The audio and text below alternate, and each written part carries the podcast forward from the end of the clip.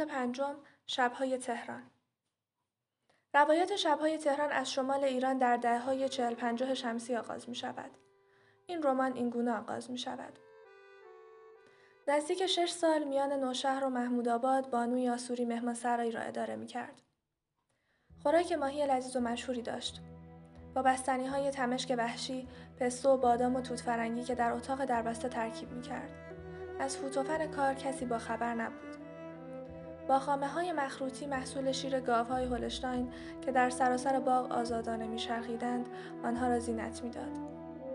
بنای مهمانخانه با نمای سفید و شیروانی سفال اخرایی که سایه روشنی چون فلس ماهی دشت پشت ردیف درختان اشن و زبان گنجشک در انتهای جاده پرپیچی دور از نظر می ماند. حوالی غروب سواری های بزرگ و تیر رنگ می آمدند و در صحن شمپوش توقفگاه مهمانان جدی را که غالبا پیشخدمتی برای حمل و نقل بار و ذکر کوچک فرار همراهشان بود پیاده می کردند.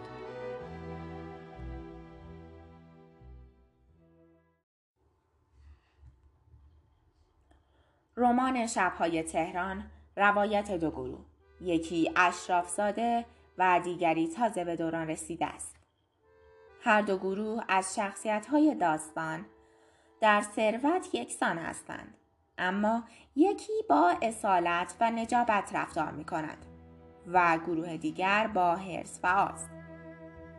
بهزاد نقاشی روشنفکر و برخواسته از خانواده اشرافی است.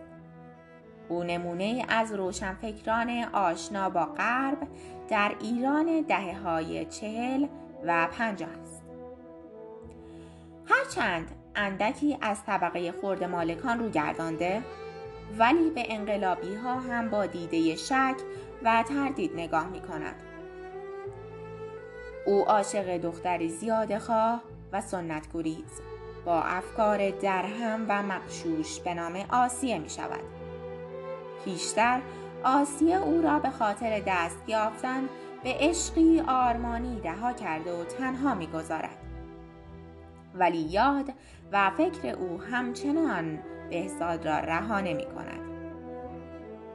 بهزاد پس از رها شدن از سوی آسیه به ایران برگشته و آشنا و عاشق پیشینش نسترن بارها به دیدنش می رود. بهزاد در برخوردها و روابطش با نسترن تنها خاطرات خود را با آسیه مرور می کند.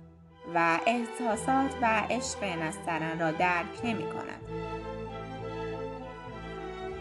نسترن دختری است که آرزوهای بزرگی ندارد. روحی آرام دارد و بهزاد را عاشقانه و با ساده دلی دوست دارد. ولی بی توجهی بهزاد به او سبب در هم شکستنش می شود. او پیشتر با گرایش به هنر نمایش می تواند بر سستی خود چیره شود و به خود باوری برسد. آنچنان که در برابر بهزاد احساساتش را به نمایش گذارد. چرا که پیش از آن در برابر بهزاد و عشق او احساس ناتوانی می کرد و نمی توانست احساسات و خواسته های خود را بیان کند. از همین رو نیز بهزاد تا مدتها نتوانست از عشق او نسبت به خودش آگاه شود. در پی حوادث و تنشهای روحی نسترن می گریزد و بهزاد در پی یافتن او برمیآید.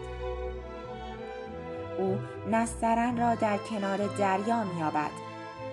داستان هنگامی پایان میپذیرد که هر دو به دریا خیره شدند. چرا آفریده شده ایم که رنج بکشیم. این جمله جمله پایانی رمان است.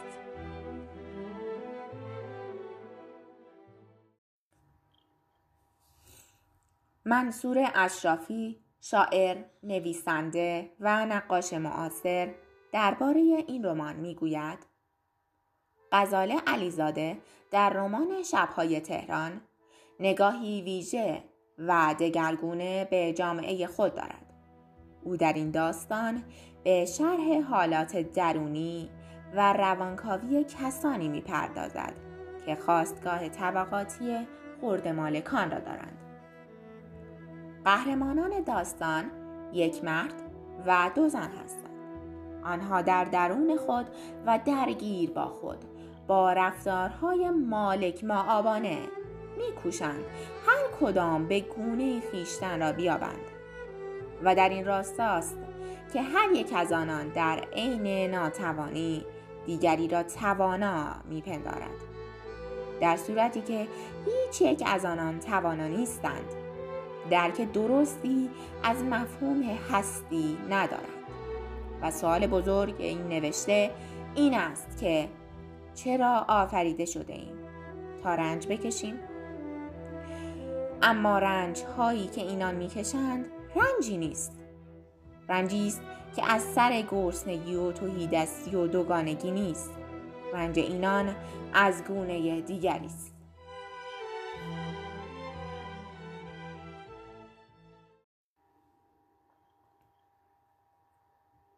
نگرانی غزال علیزاده از گونه روشنفکران است.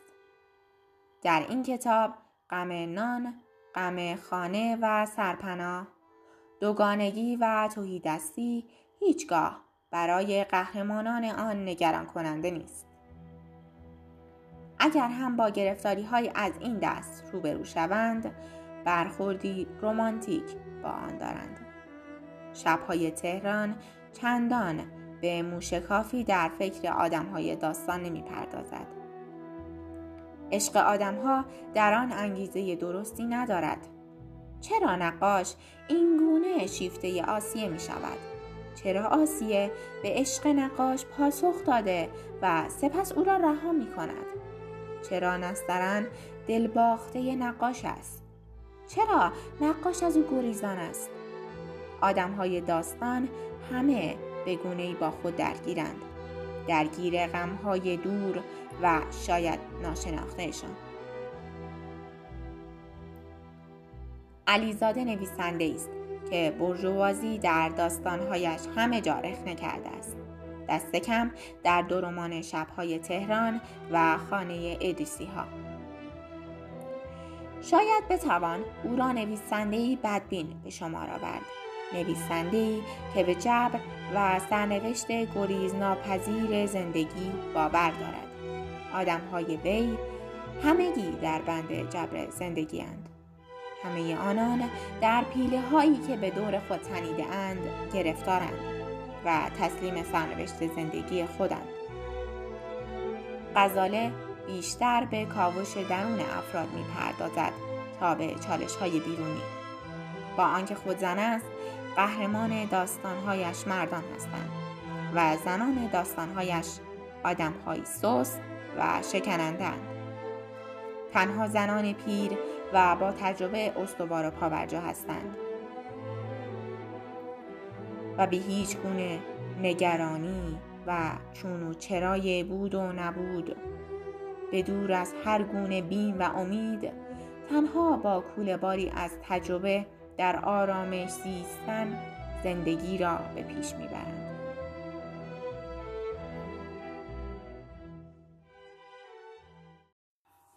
حال به نقد یکی از اعضای گروه در رابطه با رمان شبهای تهران گوش می دهیم. اطلاعاتی که نویسنده گاه برای برخی شخصیت های تاریخی یا کتاب ها می‌داد باعث کنجکاف شدن مخاطب برای جستجوی بیشتر در رابطه با آنها می‌شد. بیش از حد به جزئیات دقت شده بود و باعث تجسم کامل یک اتفاق و یا یک مکان در ذهن خواننده می‌شد. شخصیت پردازی ها به جا و مناسب بودند.